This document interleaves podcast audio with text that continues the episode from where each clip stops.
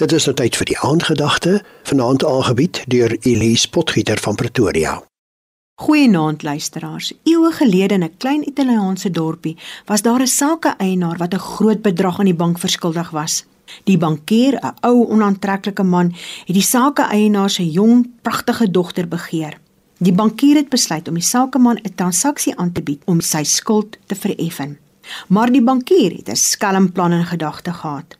Ten einde die sakeman skuldvry te verklaar, moes die man sy dogter toelaat om met die bankier te trou. Die sakeman wou nie toegee aan hierdie ooreenkoms nie.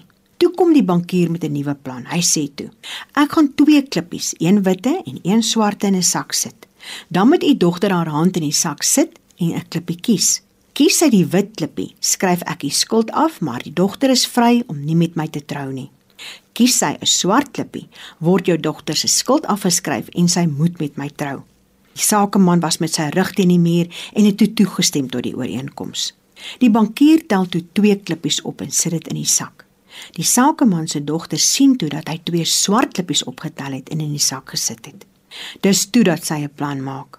Sy het 'n klip uit die sak gehaal en dit dadelik per ongeluk in die oorvoetklippe laat val waar hulle almal gestaan het. Sy het vir die bankier gesê: "Ek is jammer. Ek is so lomp uit tog. Kyk net in die sak om te sien watter kleur klip nou daarin is, sodat jy sal weet watter klip het ek uitgekies." Natuurlik was die oorblywende klip swart. Omdat die bankier nie wou hê dat sy bedrog ontbloot word nie, het hy saamgespeel en opgetree asof die klip wat die sakeman se dogter laat val het, wit moes wees. Hy het die sakeman se skuld afgeskryf en die dogter was vry. Paulus waarsku ons in 1 Korintiërs 5. As julle die onsedelikes, geldgieriges, bedrieërs, afgodsdienaars van hierdie wêreld wil vermy, sou julle uit die wêreld moet pad gee. Ons hoor, lees en beleef elke dag hoe korrupsie rondom ons plaasvind. Die howe is maande vooruitgeboek, die tronke is vol. Maar nêrens in die Bybel lees ons dat enige iemand deur al die eeue heen moord, korrupsie en bedrog sou vryspring nie. Al wat ons as Christene het, is ons vertroue in God Almagtig se betroubaarheid.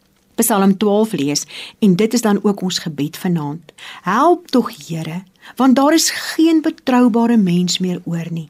Die mense bedrieg mekaar, maar die Here sê, die swakkes word mishandel en die armes kla. Daarom gryp ek nou in en gee uitkoms aan die wat daarna smag. Almagtige Vader in die naam van Jesus Christus, dankie vir u betroubaarheid. Amen. Dit was die aandgedagte hier op RSG, aangebied deur Elise Potgieter van Pretoria.